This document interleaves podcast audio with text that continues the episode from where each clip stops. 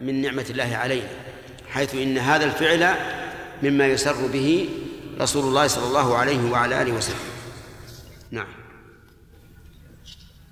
نعم أن الرواية الصحيحة هو أن النبي صلى الله عليه وسلم حكى النخام بعد انتهاء صلاته. نعم فهل بارك الله فيكم هذه إشارة من فضيلتكم إلى احتمال خطأ الراوي في هذه الرواية؟ إي نعم الروايات الأخرى نعم. تبين هذا بارك الله فيكم شيخ هل يعني يتوجه قول من قال بتعدد الح... ال... ال... الح... الحادثة هذه؟ لا لا. هذا ما هو صحيح. نعم. لا. إذا كل ما اختلفت الروايات مع أن المخرج واحد يقال بالتعدد ما هو بصحيح. نعم.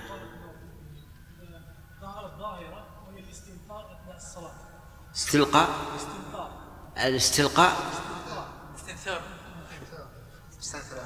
استنثار يستنثر تمخض الاستنشاق هو عندهم ما يستنشقونه استنثار.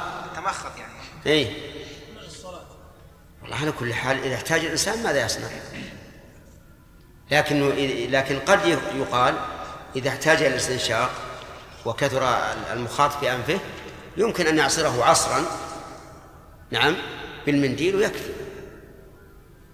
شيخ أحسن الله إليكم. إن الله لا يستحي من الحق. بعض الناس اليوم يعني نشاهدهم يعني. تجد الواحد منهم يعبث يعبث في أنفه إذا صار في المسجد ويدع ما يخرج من أنفه إما يدعه يلقيه على الأرض أو يمسحه أحيانا بفرشة المسجد. اعوذ بالله. إيه.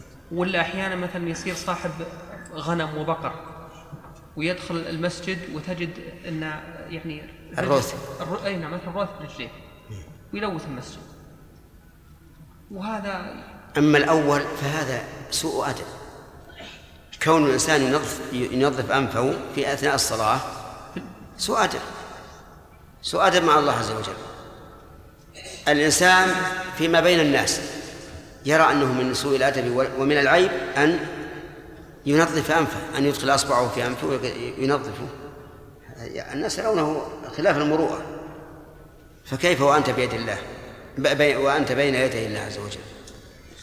وإن كان الأمر كما قلت أنه يحصل آه، آه، يعني أذى أو مخاط ثم يدلكه بأرض المسجد فهذا أيضا جناية.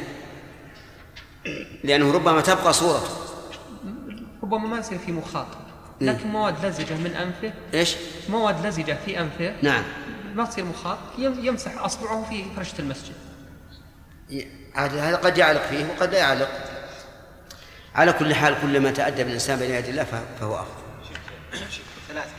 ثلاثة باب وجوب باب وجوب القراءة للإمام والمأموم في الصلوات كلها في الحضر والسفر وما يجهر فيها وما يخافت. حدثنا موسى قال هذه ترجمة قوية من البخاري. قل أن تجد مثلها في الصحيح. حيث فصل هذا التفصيل. باب وجوب القراءة للإمام والمأموم. والمنفرد. من باب أولى آه، في الصلوات كلها في الحضر والسفر وما يجهر فيها وما يخافت ولكن ظاهر كلام المؤلف القراءة مطلقا والمراد قراءة الفاتحة فقط. نعم. حدثنا موسى قال حدثنا أبو عوانة قال حدثنا عبد الملك بن عمير عن جابر بن سمرة قال شكا أهل الكوفة قال شكا أهل الكوفة سعدا إلى عمر رضي الله عنه فعزله واستعمل عليهم عمارا فشكوا حتى ذكروا أنه لا يحسن يصلي فأرسل إليه فقال يا أبا إسحاق إن هؤلاء يزعمون أنك لا تحسن تصلي قال أبو إسحاق أما أنا والله والله فإني كنت أصلي بهم صلاة رسول الله صلى الله عليه وسلم ما أخرم عنها. أصلي صلاة العشاء فأركض في الأوليين وأخف في الأخريين. أخف. و و وأخف وأخف عندي لا وأخف وأخف في الأخريين قال ذاك الظن بك يا أبا إسحاق فأرسل معه رجلا أو رجالا إلى الكوفة فسأل عنه أهل الكوفة ولم يدع مسجدا إلا سأل عنه ويثنون معروفا حتى دخل مسجدا لبني عبس فقام رجل منهم يقال له أسامة بن قتادة يكنى أبا سعدة قال أما إذ نشدتنا؟ فإن سعدا كان لا يسير بالسرية ولا يقسم بالسوية ولا يعدل في القضية. قال سعد أما والله لادعون بثلاث. اللهم إن كان عبدك هذا كاذبا قام رياء وسمعة فأطل عمره وأطل فقره وعرضه بالفتن. وكان بعد إذا سئل يقول شيخ كبير مفتون أصابتني دعوة سعد. قال عبد الملك فأنا رأيته بعد قد سقط حاجباه على عينيه من الكبر وإنه ليتعرض للجواري في الطرق في الطرق يغم- يغمزهن. أعوذ بالله. هذا الحديث فيه عبر. سعد بن أبي وقاص رضي الله عنه أمره عمر على أهل الكوفة فشكاه أهل الكوفة إلى عمر. وكان عمر رضي الله عنه لا يريد من أحد من الأمراء أن يستعمل سلطته على الناس. ويقول أيها الناس إني لم لم أبعثكم إلى الناس لتضربوا أبشارهم وتأخذوا أموالهم وإنما بعثتكم لتقيموا فيهم دين الله أو كما قال. وهكذا يجب على ولي الأمر الأعلى أن يتفقد أمراءه. ووزراءه ومدراءه وأن يسمع إلى شكاية الناس بهم وأن يعزل من لا يتفق الناس عليه لما في بقائه من من البلاء والفتن والأخذ والرد والاختلاف. فعزله عزله واستعمل عليهم عمار بن ياسر. حتى ذكروا أنه لا يحسن يصلي فأرسل إليه قال يا أبا إسحاق إن هؤلاء يزعمون أنك لا تحسن تصلي ولم يقل إنك لا تحسن قال إن هؤلاء يزعمون أنك لا تحسن تصلي وهذا من باب الاحتياط في القول أن الإنسان لا ينسب ما نقل إلى عن الشخص إليه حتى يتحقق. قال أبو إسحاق أما أنا والله فإني كنت أصلي بهم صلاة رسول الله. أقسم لأن المقام يقتضيه إذ أنه مدعى عليه فيحتاج إلى رد هذه الدعوة الكاذبة باليمين تأكيدا لما قال. فأصلي بهم صلاة رسول الله صلى الله عليه وعلى آله وسلم ما أخرم عنها. المعنى لا أقصر عنها ولا أنقص منها. أصلي صلاة العشاء فأركض في الأوليين وأخف في الأخيرين في الأخيرتين في الأخريين. وإنما نص على على العشاء لأنهم والله أعلم شكوه فيها. كما كان كما كان مثل هذه القصة لمن؟ لمعاذ بن جبل. فقال ذاك الظن بك يا أبا إسحاق. رضي الله عنهما. ما جزم. قال ذاك الظن بك. أنك تصلي كصلاة الرسول عليه الصلاة والسلام لأنه صحابي جليل وهو من أخوال النبي صلى الله عليه وعلى آله وسلم. ولهذا كان الرسول أحيانا يقول هذا خالي فليرني امرؤ خاله. يقول فشكى نعم. فأرسل معه رجلا أو رجالا إلى الكوفة لزيادة, لزيادة التحقق. فسأل عنه أهل الكوفة ولم يدع مسجدا إلا سأل عنه ويثنون معروفا حتى دخل مسجدا لبني عبس فقام رجل منهم يقال له أسامة بن قتادة يكنى أبا سعدة قال أما إذ نشدتنا فإن سعدا كان لا يسير بالسرية. يعني يتخلف عن الجهاد لا يخرج في الجهاد ولا يقسم بالسوية إذا جاءت المغانم أو أراد أن يقسم بيت المال لا يقسم بالسوية. هذه اثنتان والثالث الثالثة لا يعدل في القضية. يعني إذا رفعت إليه قضية لا يعدل فيها. وهذه اتهامات عظيمة والعياذ بالله. يستحق أن يدعى عليه بما دعا به سعد على هذا الرجل. فقال سعد رضي الله عنه أما أما والله لأدعون بثلاث. مقابل الاتهامات الثلاثة.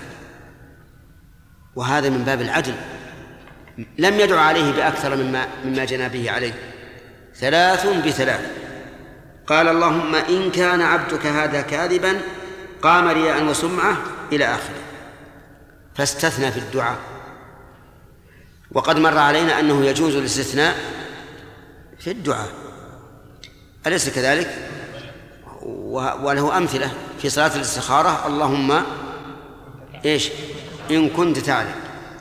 وفي دعاء اللعان الخامسة أن لعنة الله عليه إن كان من الكاذبين وتقول هي أن غضب الله عليها إن كان من الصادقين.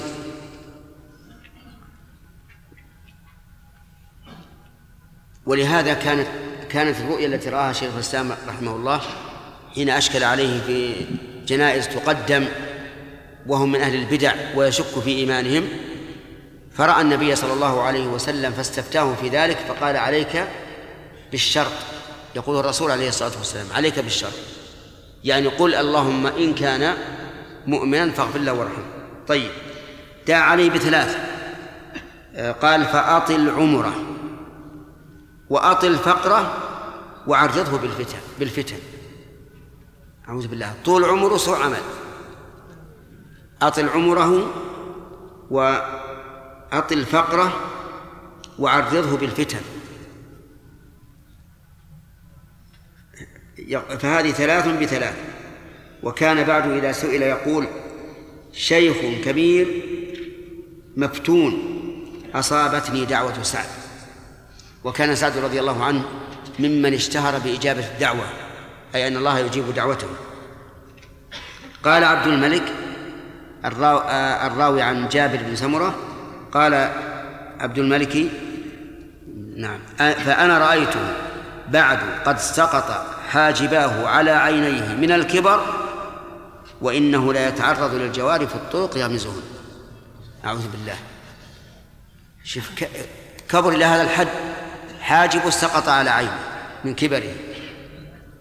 والكبير إذا إذا إذا كان كبيرا يعني إذا بلغ سنا طويلة فإنها تموت شهوته.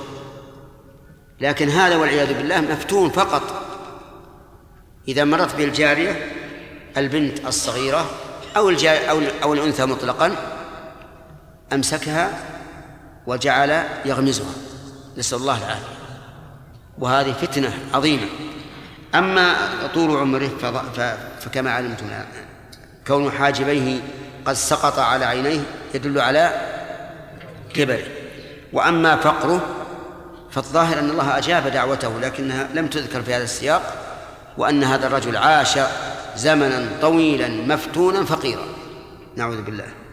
وفي هذا الحديث دليل على جواز دعوة الإنسان على ظالمه والمعتدي عليه بمثل ما اعتدى به. وعلى هذا فيكون أخذ الحق من المعتدي على وجهين إما بقوة السلطان وإما بدعاء الرحمن إما بقوة السلطان يرفعه إلى السلطان ويقام عليه الحد والتعزير وإما بدعاء الله عز وجل. وأن للإنسان أن يدعو على ظالمه بمثل ما ظلمه وله وله الحق في هذا.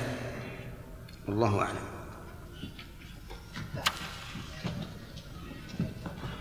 انتهى الوقت يا هداية الله. لا لا. يعني الكافي ثلاثة. تبقين عليه. واللي غير الكافي كله شرح. طيب. ماذا عن اليوم؟ لا اليوم ما قلت ما يحتاج إلى يعرض على مجلس الوزراء اولا. إذا أقر لا بأس. نعم.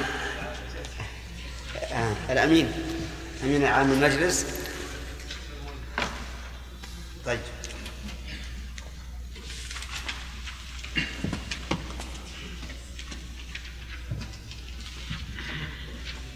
أظن وقفنا على حديث سعد. قرأناه شيخ وقفين عند حديث عبادة اللي بعده حديث سعد يا شيخ. حدثنا علي بن عبد الله. اي طيب. لكن في وجوب القراءة على الإمام والمنفرد نعم. بسم الله الرحمن الرحيم. الحمد لله رب العالمين. والصلاة والسلام على خاتم النبيين والمرسلين. محمد وعلى آله وصحبه والتابعين لهم بإحسان إلى يوم الدين. قال الإمام البخاري رحمه الله في كتاب الأذان من صحيحه في باب اي نعم. وجوب القراءة للإمام والمأموم في الصلوات كلها في الحضر والسفر وما يجهر فيها وما يخافت. حدثنا علي بن عبد الله قال حدثنا سفيان قال حدثنا الزهري عن محمود بن الربيع عن عبادة بن الصامت أن رسول الله صلى الله عليه وسلم قال لا صلاة لمن لم يقرأ بفاتحة الكتاب. قوله لا صلاة؟ هذه فيها نفي لأن لا نافية للجنس. وهي وهي أوكد من لا النافية التي بمعنى ليس لأنها لا تدل لا تدل على نفي الجنس. فإذا قلت لا رجل في الدار ولا امرأة فهذه لا تعمل عمل إن. لكن لو قلت لا رجل في الدار فإنها تعمل عمل إن وتسمى النافية للجنس. فقوله صلى الله عليه وسلم لا صلاة يعم كل صلاة. الفريضة والنافلة والصلاة ذات الركوع والصلاة التي ليس فيها ركوع ولا سجود كصلاة الجنازة. وقوله لا صلاة ذكرنا فيما سبق قاعدة أن بل ذكرناها في القواعد المنظومة أن الأصل في النفي نفي الوجود. فإن لم يمكن فنفي الصحة. فإن لم يمكن الكمال. فنفي الكمال. طيب هنا على أي شيء تحمل؟ نمشي بال- بالترتيب. على نفي الوجود- الوجود نقول لا يمكن. يعني قد يصلي الإنسان ولا يقرأ.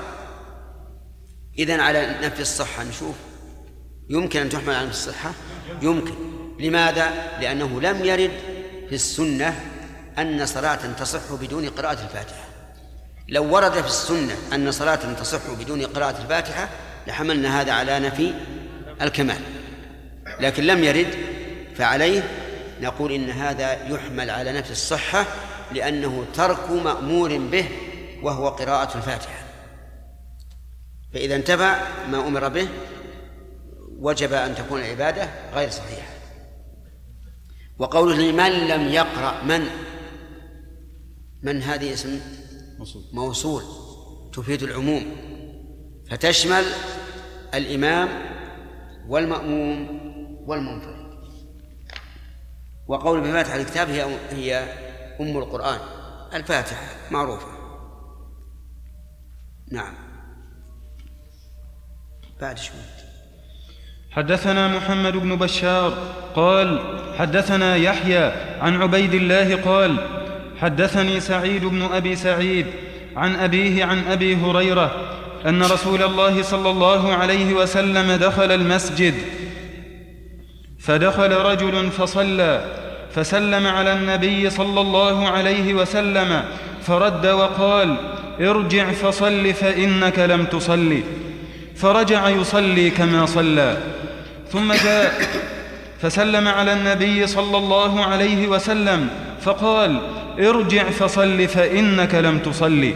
ثلاثا فقال والذي بعثك بالحق ما أحسن غيره فعلمني. فقال إذا قمت إلى الصلاة فكبر ثم اقرأ ما تيسر معك من القرآن ثم اركع حتى تطمئن راكعا ثم ارفع حتى تعتدل قائما ثم اسجد حتى تطمئن ساجدا ثم ارفع حتى تطمئن جالسا وافعل ذلك في صلاتك كلها. لا ما هي خطأ. الظاهر نسخة. وين؟ أنا أدورها هنا. مع أنه ما أشار إليها. الفتح ما ذكر.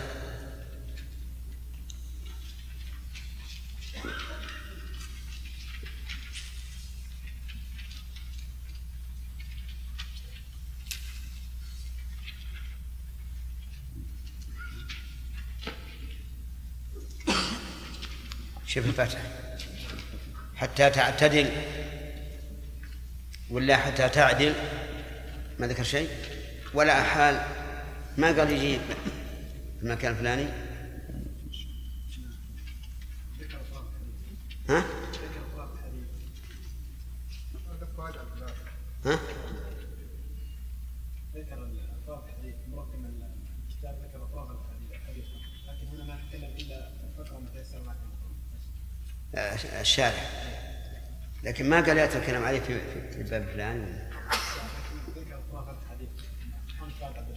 أطراف اي إي. يعني معناه إنه سيأتي لكن قصدي شرح شرح. شرح. ما ذكر شيء. نعم. بعد 24 بابا. يأتي البحث عليه؟ كلام عليه إي. شوف 24 باب كم الباب اللي عندك الآن؟ كم رقمه؟ 25 95 اضف اليه 25 يعني 120 أو 119 انظر رقم 119 موجود؟ تعتدل؟ ولا تكلم عليها في الشرح؟ وعلى كل حال معروف تعتدل لكن عندها حتى تعدل.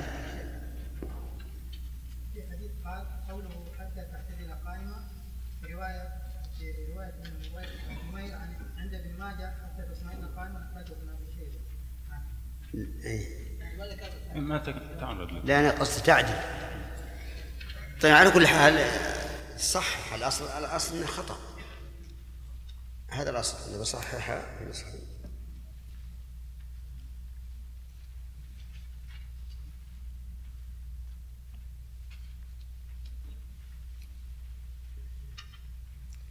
هذا الحديث يعبر عنه العلماء بحديث المسيء في صلاته. بحديث المسيء في صلاته. وهو مشهور بهذا اللقب. ولو قيل حديث الذي لا يطمئن في صلاته لكان ألطف عبارة من حديث المسيء في صلاته. وفيه فوائد.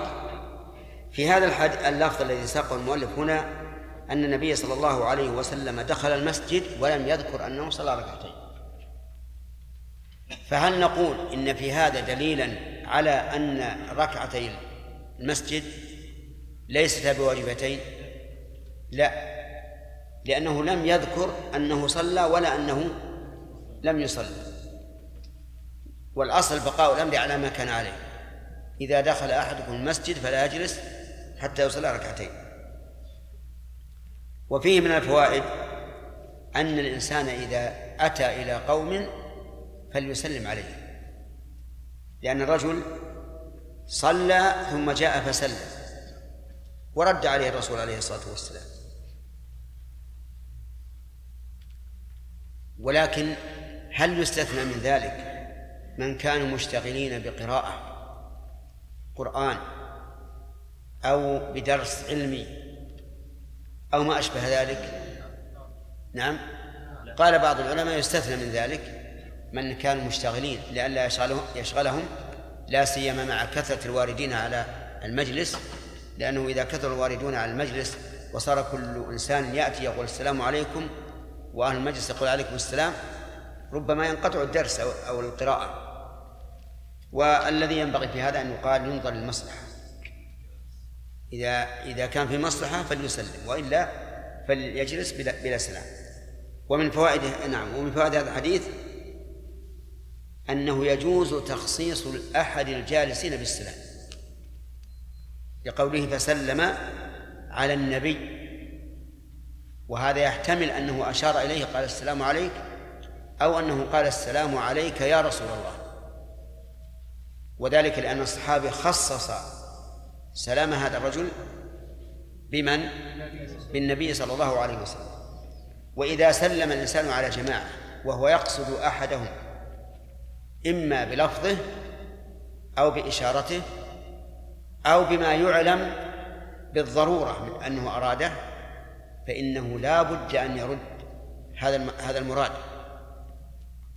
إذا جاء إذا دخل مجلسا وقال السلام عليك ويشير إلى من في أعلى المجلس كأمير أو شيخ أو ما أشبه ذلك فيجب عليه أن يرد ولا يكفي رد بعض الحاضرين.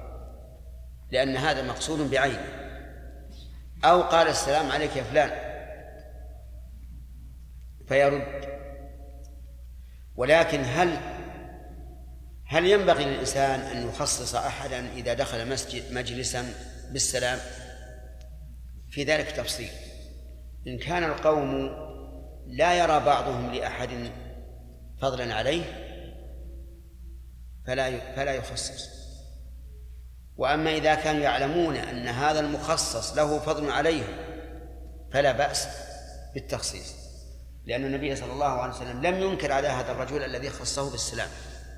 لكن إذا كان القوم متساوين في الرتبة والسيادة ولا يرى أحدهم فضلا على أحد فلا ينبغي أن تخصص لما يحدث في ذلك من القلوب لما يحدث من ذلك في القلوب.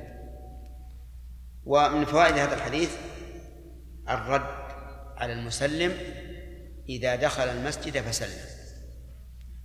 بقوله فرد. وفي بعض ألفاظ هذا الحديث أن أن الرجل قال السلام عليك. يا رسول الله قال عليك السلام. قال عليك السلام. فيستفاد منه أن من سلم على واحد خاطبه بضمير المفرد. السلام عليك. وإن خاطب بضمير الجماعة فلا بأس. وقال بعض العلماء إنه إذا خاطب بضمير الجماعة فيعني أنه يسلم عليه وعلى الحفظة الذين معه. السلام عليكم. ومن فوائد هذا الحديث أن من صلى صلاة لا تجزئه وجب إعلامه. بقوله ارجع فصل فإنك لم تصل. ومن ذلك إذا أراد أحد أن يتوضأ بماء نجس وأنت تعلم فيجب عليك أن تخبره. لئلا يتوضأ بماء نجس فيتلوث هو وثيابه ولا تصح صلاته ومن فوائد الحديث أنه ينبغي لمن أراد الصلاة أن يبتعد عن القوم الذين يتحدثون. لقوله ارجع يريد أن أن يبتعد. لأن صلاته عند قوم المتحدثين ستكون صلاة تشويش وانشغال. ولهذا قال الفقهاء يكره أن يصلي بين قوم يتحدثون. لما في ذلك من الانشغال. وإذا كان النبي صلى الله عليه وسلم ترك الخميصة التي نظر إلى أعلم نظرة فهذا من باب أولى أن يبتعد الإنسان عن المتحدثين أو عن مثلا إنسان يعلم الناس. لا يأتي حول الحلقة يبعد. ومن فوائد هذا الحديث أن ما لا يصح شرعا يجوز نفيه لقوله إنك لم تصلي. فإذا قال الإنسان والله لو أصلين ركعتين فصلى بلا وضوء. نقول هذه يجب عليك إعادة الصلاة. لأن الصلاة بغير وضوء لا تصح شرعا. فهي منتفية. حتى لو قال أنا نويت أن أصلي وصلي آه، حلفت أن أصلي وصليت. يقول هذه ليست صلاة. لقول الرسول صلى الله عليه وسلم إنك لم تصلي. ومن فوائد هذا الحديث سرعة انقياد الصحابة للرسول عليه الصلاة والسلام. حيث رجع الرجل فصلى. ولم يقل لما يا رسول الله؟ ارجع فصلي فإنك لم تصلي. لكن هات الآن. لو قلت الواحد أعد الصلاة لأن صلاتك باطلة. قال لماذا؟ قلت لأن الرسول قال كذا وكذا. قال لكن بعض العلماء يقول كذا وكذا. نعم؟ أنا مذهبي كذا. نعم. لو رأيته يصلي منفردا خلف الصف والصف الذي أمامه له مكان فيه فقلت أعد الصلاة. قال لما؟ لأنك صليت منفردا خلف الصف. قال لكن مذهبي لا لا, لا, لا تبطل الصلاة بذلك هذا موجود. لكن الصحابة إذا أمر الرسول بشيء لا يقول لما. قد يقول قائل إن الفرق أن الرسول عليه الصلاة والسلام قوله مطاع. وقوله حجة. لكن أنت ليس قولك حجة. فأقول أنا ما لا أقول بقولي أقول قال الرسول صلى الله عليه وسلم لا صلاة لمنفرد خلف الصف. من فوائد هذا الحديث أن الرجل إذا غاب عن عن إخوانه ثم عاد فإنه يسلم. لأن هذا الرجل لما عاد سلم مع أنه في المسجد. لكن انصرف عنهم انصرافا تاما وانشغل بصلاته. ولهذا كان من هدي الصحابة أنهم إذا افترقوا ثم عادوا فاجتمعوا ولو عن قرب فإنهم يسلمون. ومن فوائد هذا الحديث آه، أن الرسول عليه الصلاة والسلام لم يعلمه في أول مرة. وقال ارجع فصلي فإنك لم تصلي. وهو يعلم أنه في المرة الثانية صلى مثل الأولى بغير طمأنينة. فلماذا لم لم يعلمه؟ قلنا لحكمة. وهي أن يشتد شوقه إلى التعليم. أن يشتد شوقه إلى التعليم. حتى إذا إذا صار التعليم أشوق شيء إليه علمه وحينئذ يقع التعليم موقعه. نعم. ثم جاء فسلم على النبي صلى الله عليه وسلم فقال ارجع فصل فإنك لم تصلي ثلاثة. وفي هذا الحديث أيضا اعتماد الثلاث. وهي واردة في أشياء كثيرة. منها الاستئذان. تستأذن. كم؟ ثلاثا ثم إذا لم يذلك رجعت. ومنها السلام. تسلم. فإذا لم رد سلم. إذا لم رد سلم الثالث. ولا تسلم أكثر. وهي معتبرة في مواطن كثيرة. ومن فوائد هذا الحديث ذكاء هذا الصحابي مع أنه لا يعرف الواجب في صلاته لكنه ذكي لقوله والذي بعثك بالحق لم يقل والله إشارة منه إلى أن ما يقوله الرسول عليه الصلاة والسلام فهو حق من الله. وهذا يستلزم أن يكون ملتزما به كأنه يقول علمني وسأقبل ما تعلمني لأن الله بعثك بالحق. ومن فوائد هذا الحديث أن سؤال العلم لا يدخل في المسألة المذمومة. لقوله فعلمني بل هو من المسائل المأمور بها لقوله تعالى فاسألوا أهل الذكر إن كنتم لا تعلمون. لكن ينبغي للسائل إذا رأى من المسؤول ضجرا إما لعارض خارجي أو لعارض داخلي أو لكثرة الأسئلة عليه أو ما أشبه ذلك ينبغي له إذا رأى منه ضجرا أن أن يمسك ويسأل في وقت آخر.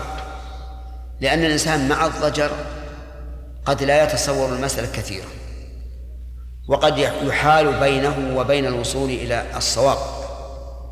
لأن فكره مشوش. ولهذا قال النبي صلى الله عليه وسلم لا يقضي القاضي وهو غضبان لأن فكره مشوش. فإذا رأيت مثلا كثرة الأسئلة على شخص ما أمسك تجد مرة ثانية بعض الناس الآن إذا صار في محاضرة ولا أسئلة يكثرون الأسئلة ويسألون. لو يبقى لهم المحاضر من صلاة العشاء إلى الفجر حتى إننا أحيانا يعني ناوي ناوي يعني يدخلنا رقة بالنسبة للمسؤول. نشعر بأنه يتكلف الإجابة. من كثرة الأسئلة عليه. لكن الذي له شغل لا يعذر من من انشغل. أليس كذلك؟ كل إنسان له شغل ما ما يعذر. يريد أن تقضى حاجته ولكن هذا خطأ. انظر صاحبه إذا رأيته قد مل وتعب وأكثر أكثر الناس من السؤال عليه أمسك. يعني أحيانا نجد بعض العلماء المرموقين الذين لهم قيمة ولأجوبتهم قبول يعمل محاضرة أو لقاء ثم هات ينهال عليه من الأسئلة الشيء الكثير. وتحس أنه تعبان. وأنه يعني قد مل. ومع ذلك ما ما يعذرون الناس. طيب إذا سؤال العلم مطلوب. لكن عندما تشعر أن المسؤول قد مل أو تعب فارحمه. اسأله في وقت آخر. نعم. هل نقول هل يجوز تحديد الأسئلة؟ نعم. للمصلحة؟ آه، طيب جزاك الله خير. إذن لا بأس أن نحدد الأسئلة. إذا اقتضت المصلحة هذا والمصلحة كما تعلمون تختلف. أحيانا تقتضي المصلحة أن نكثر وأحيانا نقلل. ومن فوائد هذا الحديث وجوب تكبيرة الإحرام. لقوله آه، إذا قمت إلى الصلاة فكبر. لكن البخاري رحمه الله طوى بعض الشيء في هذا الحديث لأنه قد صح أنه قال إذا قمت إلى الصلاة فأسبغ الوضوء ثم استقبل القبلة فكبر. فطوى رحمه الله ذكر إسباغ الوضوء وذكر استقبال القبلة. وعليه نقول ما بين أيدينا نأخذ فوائده وما غاب عنا نشير إليه. في دليل على وجوب تكبيرة الإحرام. كبر. يعني يا سامي. يعني قل الله أكبر. وإذا كان النبي عليه الصلاة والسلام أمرنا أن نكبر فليس لنا أن نعدل عن التكبير. لو قال الإنسان الله أجل وأعظم وأعز وأكرم يجزي أو لا؟ لا يجزي. لأن النبي صلى الله عليه وسلم قال كبر. وتكبيرة الإحرام تمتاز عن غيرها من الأركان بأنها لا تنعقد الصلاة إلا بها. غيرها من الأركان إذا تركته يمكن تأتي به وتزيد السهو أما هذه لا يمكن. إذا لم تأتي بتكبيرة الإحرام على الوجه المطلوب فإن صلاتك لم تنعقد ولا يصح أن تأتي بركعة بدل الركعة الأولى لأنك لم تكبر الإحرام. لا لا يصح لأنك لم تدخل في الصلاة بعد. طيب كبر يعني قل الله أكبر. لو قال المصلي آه الله أكبر. أخوان ليه؟ لأن هذا استفهام. لو قال آه الله أكبر وهو إمام لكان من حق المأمومين أن يقولوا نعم. نعم. لأن هذا جواب الاستفهام. أليس كذلك؟ أي نعم. هذا هو الاستفهام. هذا جواب الاستفهام. لذلك نص العلماء رحمهم الله على أن الإنسان لو قال آه الله أكبر لم تنعقد صلاته لأن هذا استفهام وليس خبرا. طيب. لو قال الله الله أكبر وهذا يقع كثيرا. لا يصح. مد الباء لا يصح. لا لا يصح معه التكبير. وعللوا ذلك بأن أكبار جمع كبر كأسباب جمع سبب. والكبر في اللغة العربية هو الطبل. الطبل الذي يدف به. نعم. وهذا لا شك معنى فاسد. فإذا قال الله أكبر لم تنعقد الصلاة طيب لو قال الله أكبر. لا. يصح لأن هذا لحن لا شك لكن لا لا, لا يغير المعنى. إذ أنه يمكن أن يقال إنه مفعول لفعل محذوف التقدير. أكبر لا أو لا التقدير أقول الله أكبر. أقول الله أكبر. فإن قال قائل إن القول يأتي بعده جملة ابتدائية قلنا والقول عند سليم يجرى مجرى الظن مطلقا. كما قال ابن مالك وأجرى القول كظن مطلقا عند سليم. كظن مو معنى في المعنى كظن في العمل. نحو قل ذا مشفقا. فعلى هذا يكون إذا إذا قال الله أكبر نعم يصح. طيب لو قال الله أكبر وهذا أيضا يقع كثيرا حتى في الأذان وفي الصلاة الله أكبر. يصح يصح. لأن قلب الواو همزة بعد الضم جائز لغة وحنا نلتمس لهؤلاء. نلتمس ما يصحح عبادتهم. وفي أيضا بعض الناس من بعض البادية لا يمكن أن يتغير لسانه إطلاقا. يعني لو قلت الله أكبر ويقول الله أكبر ما يقدر. أبدا. فما الحيلة؟ الحيلة أن يقال إن كان إماما يعزل. ويؤتى بمن يعرف التكبير. وإن كان منفردا فحسابه على الله. إذا إذا أخبرناه وقال أنا لا أستطيع أخذ لساني على هذا نقول لسانك عدله فإذا عجز فالله يتولاه. انتهى الوقت. لا إله إلا الله. تأخر أقول عندي فائدة دقيقتين الآن ها؟ ما أعلنت؟ أعلن؟ شيخ والله يقول الحق هل يجرى على لغة سليم؟ نعم والله يقول الحق لا هذا سلمك الله مصدر صفة لمصدر المحذوف يقول القول الحق رب العالمين نكمل ما ما تيسر من فوائد حديث أبي هريرة التي أوصلها بعضهم إلى قريب 200 وبعضهم إلى 80 مسألة حسب قوة فذهب بعض العلماء إلى أن التكبير سوى تكبيرة الإحرام ليس بواجب بل هو سنة. والصحيح أنه واجب لقول النبي صلى الله عليه وسلم إذا كبر فكبروا. وإن كان الذين لم يوجبوا التكبير يقولون إن الرسول عليه الصلاة والسلام أمر بالتكبير لبيان موقع تكبير المأموم من من تكبير الإمام. فكأنه قال إذا كبر فقد أبيح لكم التكبير. فيكون الأمر هنا لبيان إيش؟ لبيان موضع التكبير. وهذا لا يتعين فيه الوجوب. كقوله حين قالوا يا رسول الله كيف نصلي عليك إذا نحن صلينا عليك في صلاتنا؟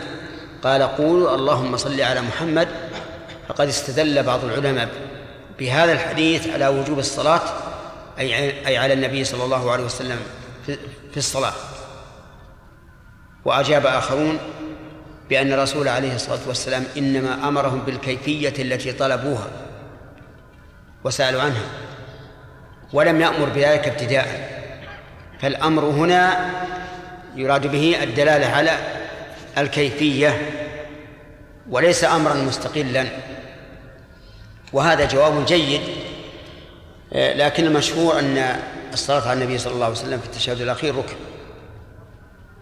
ومن فوائد هذا الحديث وجوب السجود لقوله ثم اسجد ولكن نعني بالوجوب أنه ليس بسنة فلا ينافي أن يكون ركنا من أركان الصلاة وهو كذلك. فالسجود ركن لأن الله تعالى عبر عبر به عن الصلاة عموما. فقال يا أيها الذين آمنوا اركعوا واسجدوا. وقال النبي صلى الله عليه وسلم أعني على نفسك بكثرة السجود أي بكثرة الصلاة. ولم يبين الرسول عليه الصلاة والسلام لهذا الرجل على أي شيء نسجد إما لكونه معلوم بالمشاهدة فهذا الرجل يشاهد الناس يسجدون على أعضائهم السبعة وإما أن يقال إنه وجب السجود على الأعضاء السبعة فيما بعد ذلك. وإما أن يقال وهو جواب ثالث أنه أجمل له السجود كما كما أجمل له القراءة. وأنها بينت في في أدلة أخرى ومنها حديث عبد الله بن عباس رضي الله عنهما. قال النبي صلى الله عليه وعلى آله وسلم أمرنا أن نسجد على سبعة أرض الجبهة وأشار بيده الأنف والكفين والركبتين وأطراف القدمين. ومنها وجوب الرفع من السجود ووجوب الطمأنينة في هذا الجلوس لقول ثم ارفع حتى تطمئن جالسا. ومن فوائده وجوب السجدة الثانية لقول ثم اسجد حتى تطمئن ساجدا. ومن فوائده جواز الإحالة على شيء على الشيء المعلوم لقوله وافعل ذلك في في صلاتك كلها. ومن فوائد الحديث عدم وجوب ما لم يذكر فيه. كما استدل به بعض العلماء. وصار يقول هذا لا يجب السلام لا يجب وقراءة الفاتحة لا تجب. وذكروا أشياء كثيرة هي واجبة لكن نفوا وجوبها بهذا الحديث. وقالوا إن النبي صلى الله عليه وسلم قال إنك لم تصلي وذكر له هذه الكيفية فدل هذا على أنه إذا فعل هذه الكيفية فقد صلى. وهذا هو المطلوب أنه لا يجب سوى ما ذكر. ولذلك تجد كثيرا من العلماء يقول هذا غير واجب لحديث المسلم. لكن الجواب عن هذا أن يقال ما عدا المذكور مسكوت عنه أليس كذلك؟ لأن الرسول صلى الله عليه وعلى آله وسلم لم يقل له لا يجب عليك سوى هذا. والسكوت عنه يحتمل أنه لأن هذا الرجل لم يقصر فيه. وهذا احتمال وارد. وإنما ذكر ذكر له النبي عليه الصلاة والسلام ما قصر فيه. وما لم يقصر فيه فإنه لا يجب الكلام عنه. ويحتمل و ويحتمل أن يقال إن النبي صلى الله عليه وسلم سكت عنه لكن وجب بدليل بدليل آخر. وهذا الأخير لا مفر منه. الأول الذي قلنا إنه لعل الرجل أتى بالواجب في غير هذه الأشياء أي لم يقصر إلا في هذه الأشياء التي ذكرت. هذا احتمال. غرضنا به إسقاط استدلال من قال بعدم الوجوب فيما فيما لم يذكر. فقط. لكن القول أو الدليل الإيجابي هو أن نقول ما سكت عنه في هذا الحديث ودلت الأدلة على وجوبه من غير هذا الحديث فإن الواجب القول بمقتضى هذه الأدلة. ومن فوائد هذا الحديث ولا أدري هل ذكرناها قبل أو لا جواز تأخير البيان للمصلحة. ذكرت؟ نذكرها الآن. جواز تأخير البيان للمصلحة. ولا ولا نقول جواز ترك البيان. لأن البيان لا بد منه. لكن تأخيره للمصلحة لا بأس به. لأن النبي صلى الله عليه وعلى آله وسلم أخر البيان حتى كرر ذلك صلاته ثلاثة. عرفتم؟ للمصلحة. وما هي المصلحة في هذا الحديث؟ ذكرناها. من أجل أن يقوى تشوف هذا الرجل للحق. وكان هذا هو الواقع. حتى إنه أقسم بالذي بعثه بالحق أنه لا يحسن غير هذا. ومن فوائد هذا الحديث جواز إقرار المنكر إذا كان وسيلة للإصلاح. كيف هذا؟ لأن الإقرار على صلاة لا يطمئن فيها حرام. يجب عليك أن تبين لكن ما دامت النتيجة هي إزالة هذا المنكر فلا بأس. وينبني على هذا لو رأيت شخصا يفعل معصية. ورأيت أنه لأنك لو قابلته من الآن بالإنكار نفر. فقلت أمهله حتى ينتهي ثم أنصحوه برفق لكن هذا متوجها وجيدا لكن إن حصل أن لا تكن عنده في حال إقراره على هذا المنكر فهو أولى إن لم يكن واجبا. لكن لا تبادر بالإنكار وهذا هو ما أريده حتى يكون مستعدا للقبول. فإذا استعد للقبول فبين له الحق. ومن فوائد هذا الحديث آه، أنه ينبغي للإنسان أن يؤدي العبادات بطمأنينة. لقوله حتى تطمئن. وهذا ينبغي ليس في الصلاة فحسب بل حتى في القرآن في القراءة في الذكر. اطمئن. لا تكن كأنك ملحوق عدو. يطلب الوصول إليك. كما هي آه، عادة بعض الناس. وهذا لا شك أنه من وحي الشيطان. من وحي الشيطان لأنه لا أي الشيطان لا يود أن يستقر الإنسان على طاعة إطلاقا. فتجده يحثه على التخلي منها بسرعة. وما علم الإنسان أنه كلما ازداد بقاء في طاعة الله فهو على خير. في فوائد أيضا أخرى؟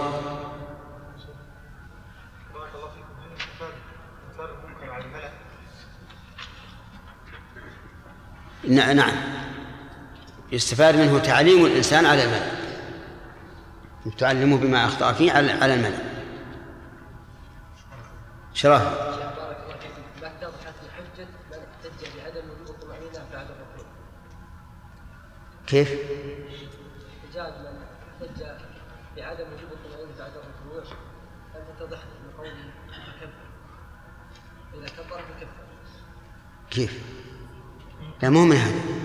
أخذوها من قوله وإذا قسم الله من حمده فقول ربنا ولك الحمد. إن ربنا ولك الحمد. ما فيها ما فيها طمأنينة يقولها مباشرة بعده. أي نعم.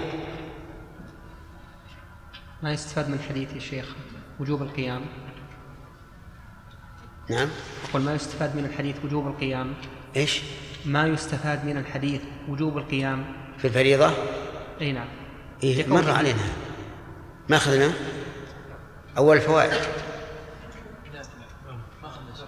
سبحان الله.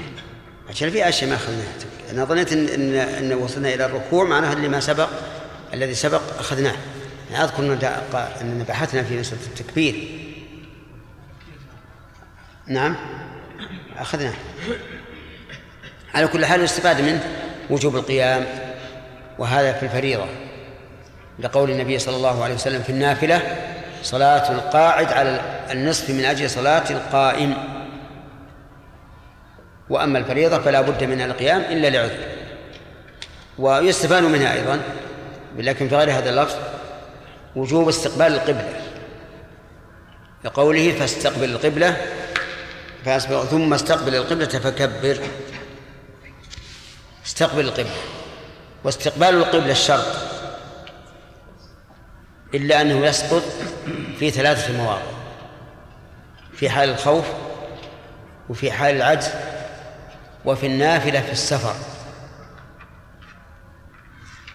وكيفية الاستقبال؟ أن يستقبل عين الكعبة إن أمكنه مشاهدتها. أو جهتها إن لم يمكن. والجهة كلما أبعدت عن مكة اتسعت الجهة. أليس كذلك؟ نعم. لأنها دائرة. ولهذا قال النبي صلى الله عليه وسلم لأهل المدينة ما بين المشرق والمغرب قبلة. وقال لهم لا تستقبلوا القبلة بغاية ولا بول ولا تستدبروها ولكن شرقوا أو غربوا. فلا يحصل الاستقبال آه، إلا أن يعني فلا يحصل ترك الاستقبال في في الجلوس على قضاء الحاجة إلا إذا شرقت أو غربت. وهذا بالنسبة لأهل المدينة لأن قبلتهم الجنوب تماما. يعني إذا جعلت سهيلا بين عينيك في المدينة فقد استقبلت القبلة. و نعم؟ لا لا يعد عذرا. لأن لكن من فعل شيئا انتهى وقته وطال عليه الزمن فربما يعذر. كحال هذا الرجل لأن الرسول صلى الله عليه وسلم لم يأمره بإعادة ما ما سبق. أما في الحال فيجب أن يعيد. زكي؟ جواز الحلف وإن لم نعم. ما ذكرنا هذه؟ لا إله يا عجيز ما ذكر من فوائده شيئا. ذكرنا فوائد وش ذكر؟ ما ذكرنا الفائدة اللي ذكر زكي؟ أي طيب.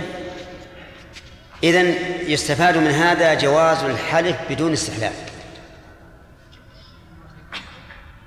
ولكن هل هذا جائز مطلقا أو حين يكون الأمر هاما؟ الجواب الثاني. أما إذا لم يكن هاما فلا تحلف. ويستفاد منه أيضا من حديث من فوائده أنه ينبغي أن تكون صيغة الحلف مقرونة بما تقتضيه الحال. بقوله والذي بعثك بالحق دون أن يقول والله أو والذي نفسي بيده مثلا.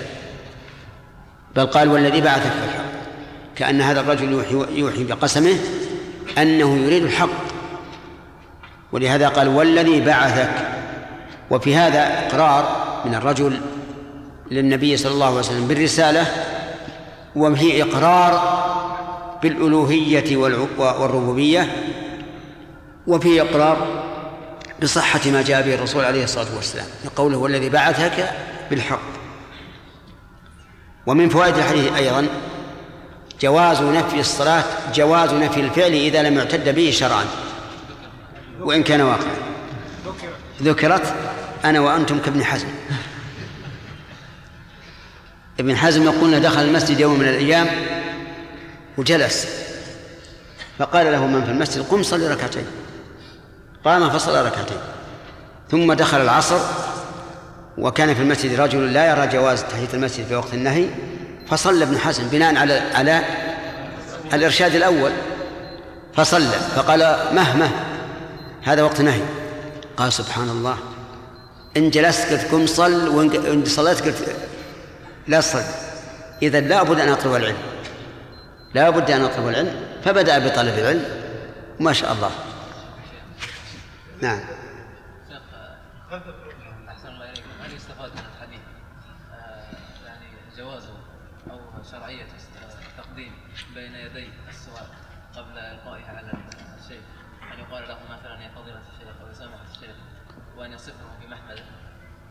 كيف؟ لا هذا بعد أن سأله الرسول. قال إنك لم تصلي. لكن قبل طلبه للعلم ها؟ علمني قدم هذه الكلمة. لا لا، لأنه يبين شدة حاجة العلم. وما أراد مجرد الثناء على الرسول لكن بين أنه في أشد ما يكون حاجة للعلم وأقسم أنه ما يحصل غير هذا. إذا كان الإمام سريعا القراءة فركعت معه قبل أن أتم الفاتحة فهل يحمل ذلك؟ أم إن ذلك يعتبر عدم أما على رأي رأي البخاري وهو رأي أنه لا يجوز.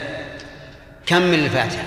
إلا إذا كنت مسبوقا بمعنى أنك من حين أتيت شرعت في الفاتحة ولكن الإمام ركع قبل أن تتمها فهنا تسقط عنك يسقط عنك باقيها لا أدركت الركعة مع أول ولو أتممت الفاتحة لقام من الركوع قبل أن لا، هل دخلت معه من أول الصلاة؟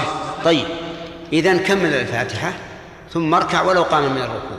ولو قام؟ إي نعم لكن إذا عرفت أن هذا الرجل هذه حالة لا يطمئن وجب عليك أن تعتزله وأن تنفرد عنه.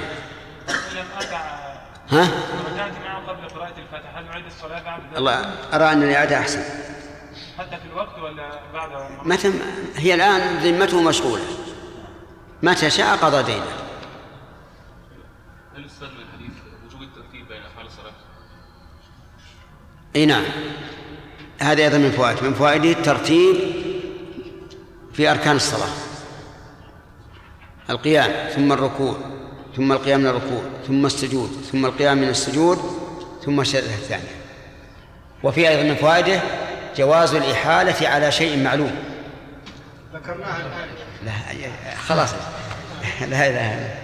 شيخ سليمان. بالخطأ والتقصير. إيش؟ الاعتراف بالخطأ والتقصير. نعم. نعم. من فوائد أيضا أن الإنسان لا يستحي من الحق يع- يعترف بما يستحق. لقول الرجل لا أحسن غير هذا. ولا شك أن عدم إحسانه للصلاة أنه أم- أنه تقصير. لكن الرجل لا يحسن غير هذا. طيب من فوائد أيضا؟ ونشوف. نعم. وأنا أتلمس تلمس من فوائده أن الجاهل لا تلزمه الإعادة إلا وقت الصلاة الحاضرة. طيب الحمد لله. اختلافكم من المصلحة لي. آه، أقول من فوائده أن الجاهل لا يؤمر بإعادة الصلاة التي قصر فيها إلا الصلاة. إلا الصلاة الحاضرة. ولكن هذا فيما إذا لم يكن مفرطا. فهذا الرجل يظهر والله أعلم أنه من أهل البادية الذين ليس ليس عندهم علم من حدود الله. فيكون غير مقصر فيعذر. لكن لو كان الإنسان في البلد في المدينة وادعى الجهل في أمر لا يمكن لمثل أن يجهله أو ادعى الجهل في أمر ينبغي أن يسأل عنه ولا يقصر فهذا نقول إنه مقصر فينبغي أن يؤمر بالإعادة. يعني يفرق في هذا بين الجاهل المقصر والجاهل غير المقصر. إنما هو أصل في أن في العذر بالجهل. فإذا قال قائل لماذا لم يعذر في الصلاة الحاضرة؟ قلنا لأنه مطا- مطالب بها حتى الآن إلى الآن لم يخرج وقتها. فهو مطالب أن يأتي بها على وجه صحيح. فلذلك أمر أن يعيدها حتى يفهم. نعم. إذا زار يعني ضيف كلما دخل عليه راح يحضر ماء شاي شيء يسلم ثم يخرج فأنكر بعض الناس يعني يقول يدخل يسلم ثم يخرج يسلم. هل الحديث إذا جاء يعني كرر مرات يسلم أي نعم. تكرار السلام عند تكرار الدخول. نعم. يؤخذ من الحديث ما ن- ما ذكرت؟ الحمد لله. ما نقرأ اسمع. لو حديث حديث واحد. ها؟ ما تبغى نقرأ لو حديث واحد؟ خاف إنه طويل الحديث. وهذا آخر الباب. آخر باب إيه؟ طيب نأخذ من فوائد. من فوائده وجوب قراءة الفاتحة في كل ركعة.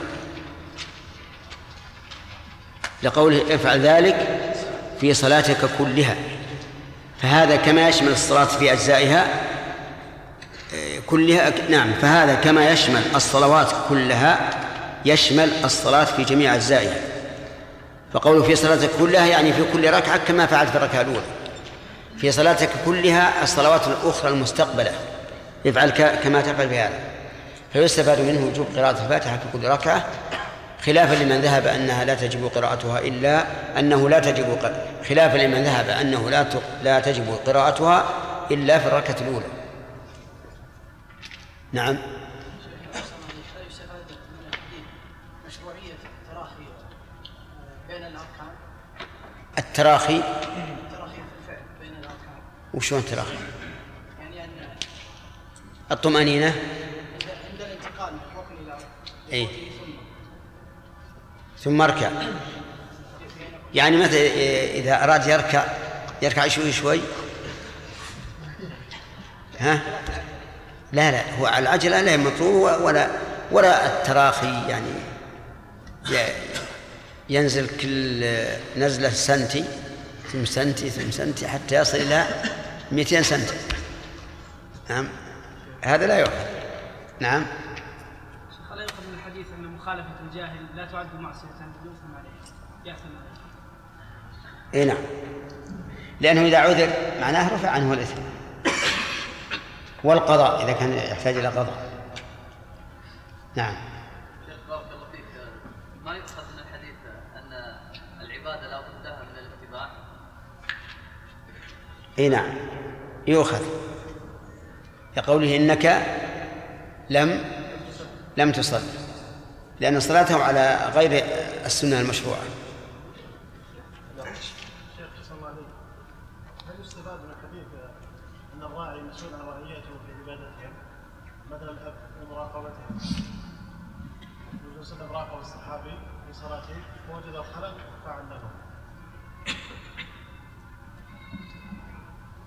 يعني قصدك ال- الأمر بالمعروف أو تعليم الجاهل؟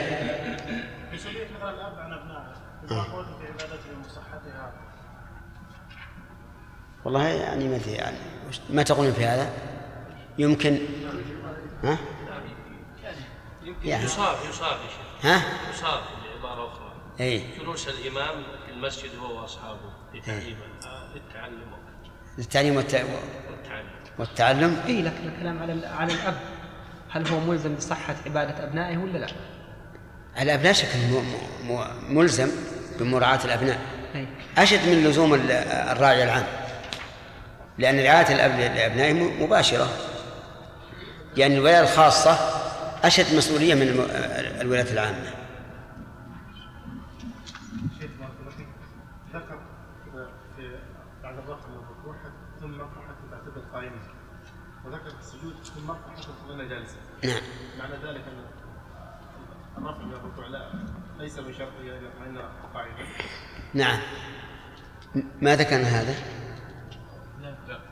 لا ذكرنا لكم فيه رواية أخرى. وإن لم تكن في البخاري حتى تطمئن قائما.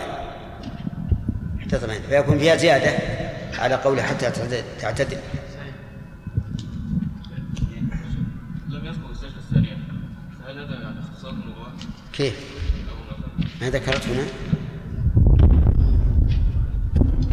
لا ذكرت لفظ آخر. هذا اللفظ ما هو ما هو مستوعب هذا غير مستوعب. نعم.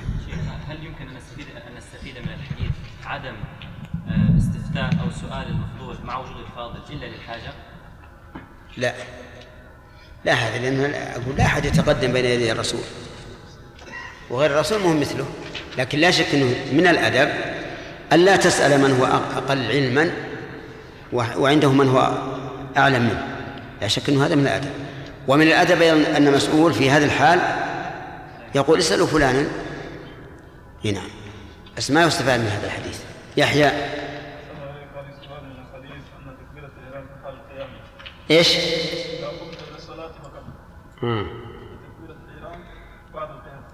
سؤال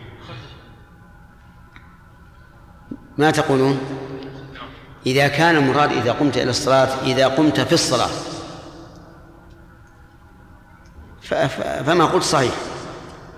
لكن إذا قمت إلى الصلاة يعني توجهت إليها.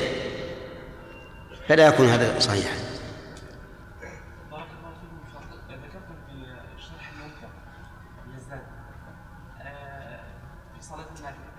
شوف ترى إذا كان هذا السؤال لا يتعلق بموضوعنا. يتعلق؟ هنا فقلتم أنه لا يجوز أن أن تؤتى السنة مخرقة قلتم هكذا يكاد يكون هذا نص قلتم أنه لا يجوز أن تؤتى السنة مخرقة وأوردتم إيراد قد يكونه بعضهم وهو كيف تقولون أنه لا يجوز وهي أصلا سنة؟ هل يكون هذا آه، حجة لكلامكم عليه؟ حتى علمنا النبي صلى الله ليش؟ حجة مساند لكلامكم؟ عليه بأنه علمه في في ال- تحية المسجد ولم يعلمه يعني في الفريضة.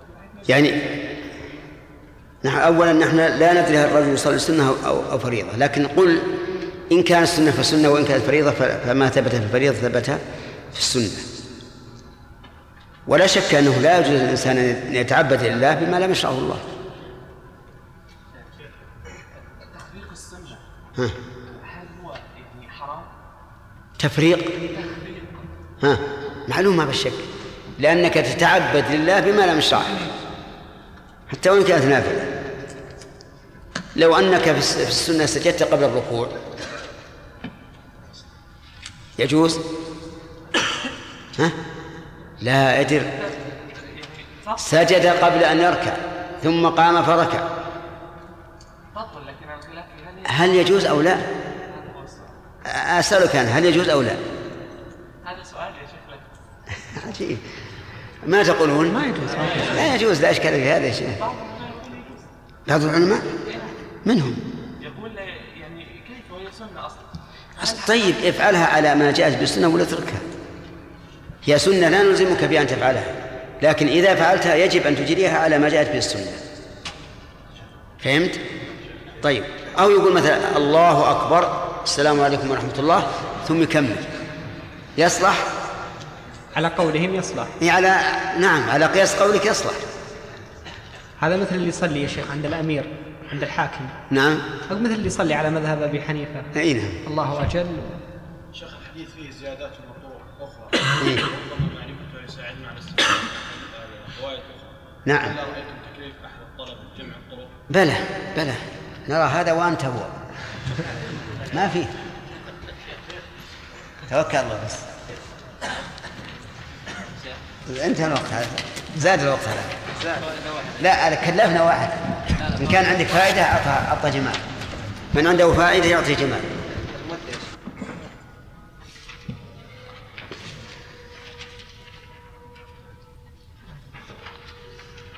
نعم. بسم الله الرحمن الرحيم. الحمد لله رب العالمين. وصلى الله وسلم وبارك على عبده ورسوله نبينا محمد. وعلى آله وأصحابه أجمعين. قال الإمام البخاري رحمه الله تعالى في صحيحه في كتاب صفة الصلاة باب القراءة في الظهر.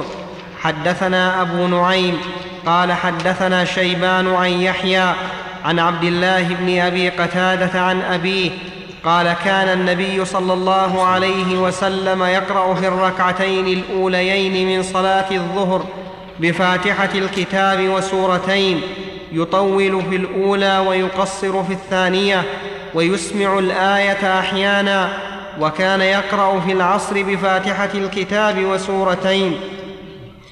وكان يطول في الأولى وكان يطول في الركعة الأولى من صلاة الصبح ويقصر في الثانية. في هذا الحديث دليل على مقدار قراءة النبي صلى الله عليه وعلى آله وسلم في صلاة الظهر فكان يقرأ في الركعتين الأوليين من صلاة الظهر بفاتحة الكتاب وسورتين سورتين موزعتين على كل ركعة يعني يقرأ في الركعة الأولى بالفاتحة وسورة وفي الركعة الثانية بفاتحة وسورة ولكنه يطيل ويسمع الآية أحيانا يعني يجهر بها أحيانا وسبب ذلك والله أعلم من أجل تنبيه المصلين. لأنه إذا كانت القراءة طويلة فربما يغفل المصلي. لأنه لا يستمع إلى قراءة فكان يسمعهم القراءة أحيانا. وربما يقال إنه يسمعهم القراءة أحيانا ليتبين لهم أنه ليس بساكت ولكنه يقرأ. ويحتمل أن يريد الأمرين جميعا. أي أن يريد إيقاظ المأمومين وأن يريد أن أن يبين أنه يقرأ. لكن قوله أحيانا لا يدل على أن ذلك مستمر. بل أحيانا. وكان يقرأ في العصر بفاتحة الكتاب وسورتين لكنها أقصر من صلاة الظهر. كما يدل على ذلك حديث أبي سعيد الذي رواه مسلم. وكان أيضا يطول في الأولى يعني ويقصر في الثانية. إذا قال يطول في الأولى يعني ويقصر في الثانية لكنها آه نعم لكنها أقصر من المقصرة في في الظهر. وكان يطول في الركعة الأولى من صلاة الصبح ويقصر في الثانية. هذا أيضا من السنة. أن الإنسان يقصر في الركعة الأولى ويطول في الركعة الأولى ويقصر في الثانية حتى في صلاة الفجر. خلافا لبعض الناس الذي لا لا لا يفكر في هذا الأمر يقرأ ما ما بدا له أو ربما يطيل في الركعة الأولى ويقصر في الثانية. يطيل في الركعة الثانية ويقصر في الأولى وهذا إما جهل وإما تهاون. لكنه أحيانا يقرأ في الثانية أطول من الأولى كما في سبح والغاشية فإن الغاشية أطول من سبح وكذلك الجمعة والمنافقون فإن المنافقين أطول لكن هذا أحيانا. والقراءة الغالبة هو أن الأولى أطول من الثانية. نعم. انتهى. حديث المسيء في صلاته ما هو عندنا؟ يمكن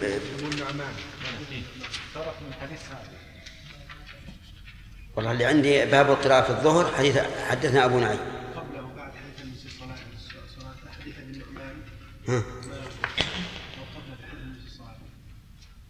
ما هو عندنا؟ ليس في نسختنا. هو طرف من حديث سعد. ثم بعد ذلك وافعل ذلك في صلاتك كلها ثم قال باب القراءة في الظهر.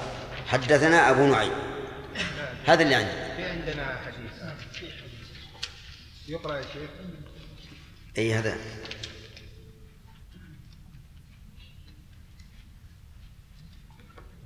هذا في نسخ في بعض النسخ. هنا في نسخة فقط. لكنه مر علينا. حديث سعد مر علينا. حاجة أخرى. شيخ عندي تكليف بجمع طرق حديث المسيء في الصلاة. أتيت به الآن إيش؟ جمع أطراف حديث المسيء في الصلاة. نعم. كنت قد كلفت به من قبل. اي نعم. وجئت به الآن؟ أي بارك الله فيك. أع- أعطني إياه علشان نشوف إذا كان صالح للنشر نشرناه. حدثنا عمر بن حفص قال حدثنا أبي قال حدثنا الأعمش قال حدثني عمارة عن أبي معمر قال سألنا خبابا أكان النبي صلى الله عليه وسلم يقرأ في الظهر والعصر؟ قال نعم. قلنا بأي شيء كنتم تعرفون؟ قال باضطراب لحيته. يعني تحركها يعني تحركها.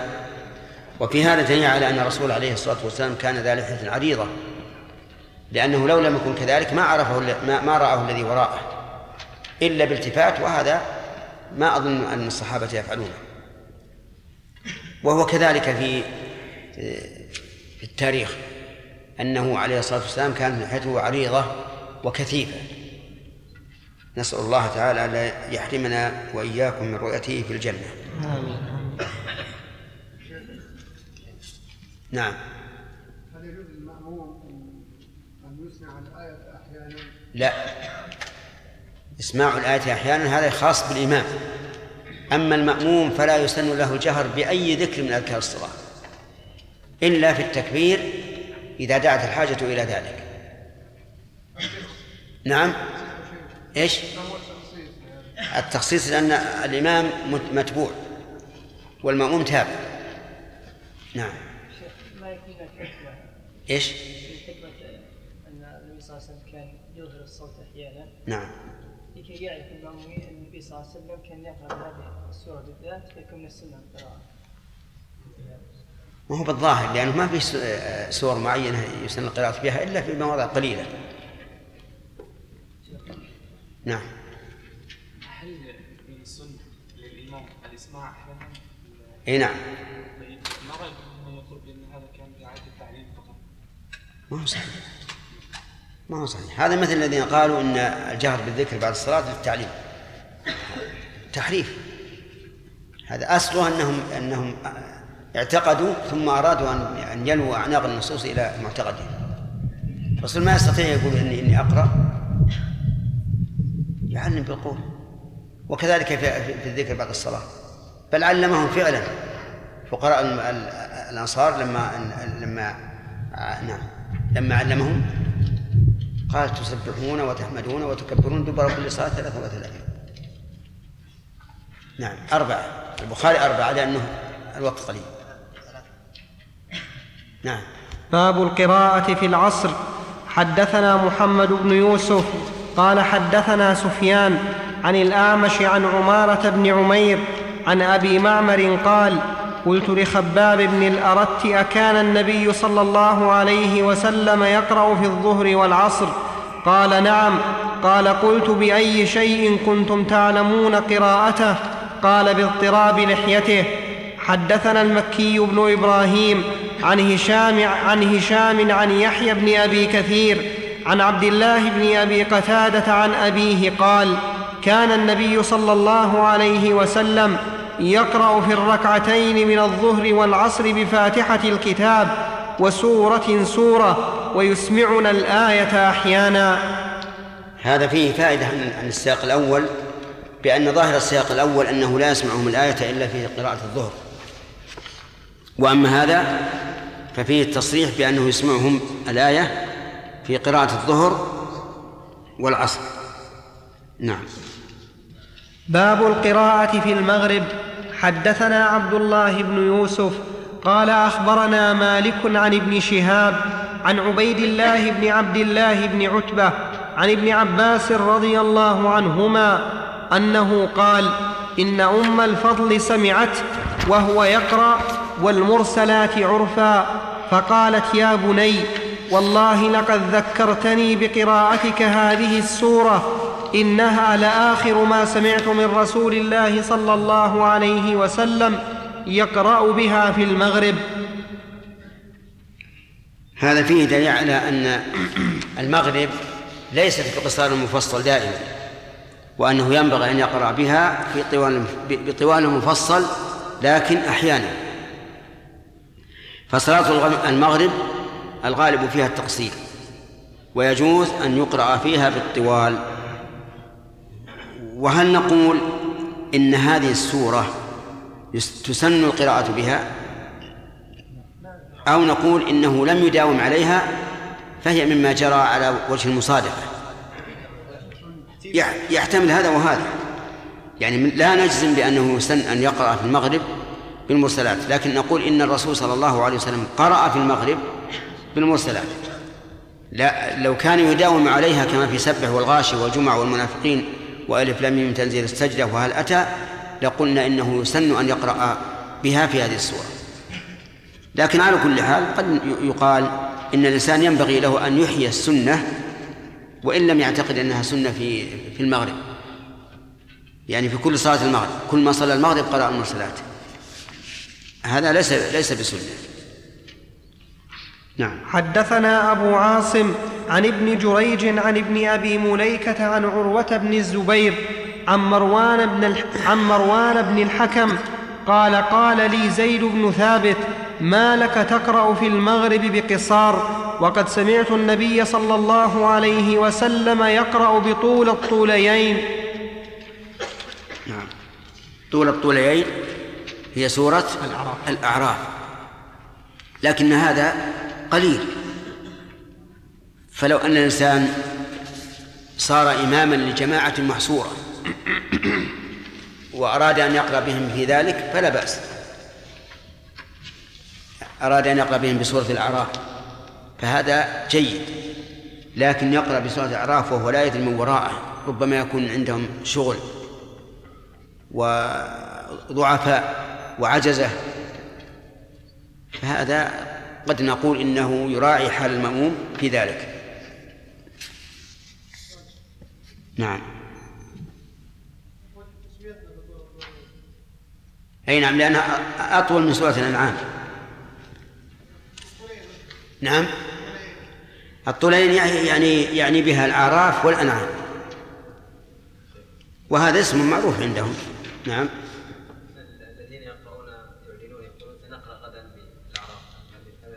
لا هذا ليس بسنة.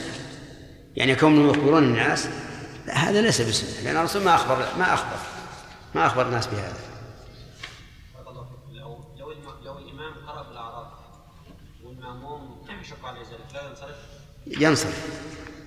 إذا كان يشق عليه هذا ينصرف. نعم. شيخ وإذا كان قرأ فدخل وقت العشاء. يستمر. يستمر. لكن ما أظن يدخل وقت العشاء. لأن بين المغرب والعشاء ساعة وربع هذا أقل تقدير. تختلف القراءة. سبحان الله. هي القراءة المعتادة ولا يمكن الإنسان يقرأ الفاتحة بنص ساعة. نعم. باب الجهر في المغرب. حدثنا عبد الله بن يوسف قال أخبرنا مالك عن ابن شهاب عن محمد بن جبير بن مطعم عن أبيه قال سمعت رسول الله صلى الله عليه وسلم قرأ في المغرب بالطور. سمع ذلك وهو أسير رضي الله عنه من أسرى بدر. يقول فلما بلغ قوله تبارك وتعالى أم خلقوا من غير شيء أم هم الخالقون كاد قلبي يطير. لأن هذه آية تدل دلالة واضحة على أن الله تعالى وحده هو الخالق. يقول يعني ومن ثم وقر الإيمان في قلبه يعني دخل الإيمان في قلبه لما سمع هذه الآية. الله المستعان باب الجهر في العشاء. حدثنا إذا يستفاد من هذا أنه لا بأس أن يقرأ في المغرب بالطور ولو كان في الطوال المفصل وأن كونه صلى الله عليه وسلم يقرأ في المغرب بالقصار المفصل هذا بناء على الغالب. نعم.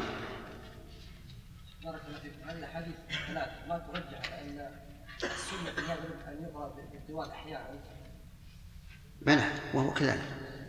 أحيانا. لا لكن في في حديث أبي هريرة صريح لما قسم الصلوات قال في المغرب بطول مفصل في الفجر بطول مفصل وفي المغرب بقصاره وفي باقي من الأوساط. هذا الغالب.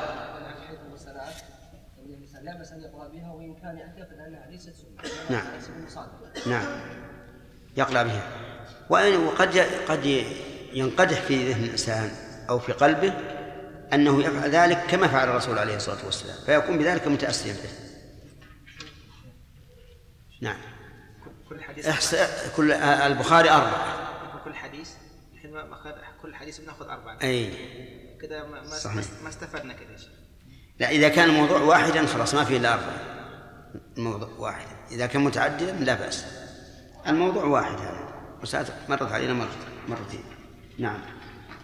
باب الجهر في العشاء. في, حدث في العشاء. أي في العشاء. نعم. عندي. طيب. باب الجهر في العشاء. حدثنا أبو النعمان قال حدثنا معتمر عن أبيه عن بكر عن أبي رافع قال صليت مع أبي هريرة العتمة فقرأ إذا السماء انشقت فسجد. فقلت له قال سجدت خلف أبي القاسم صلى الله عليه وسلم فلا أزال أسجد بها حتى ألقاه.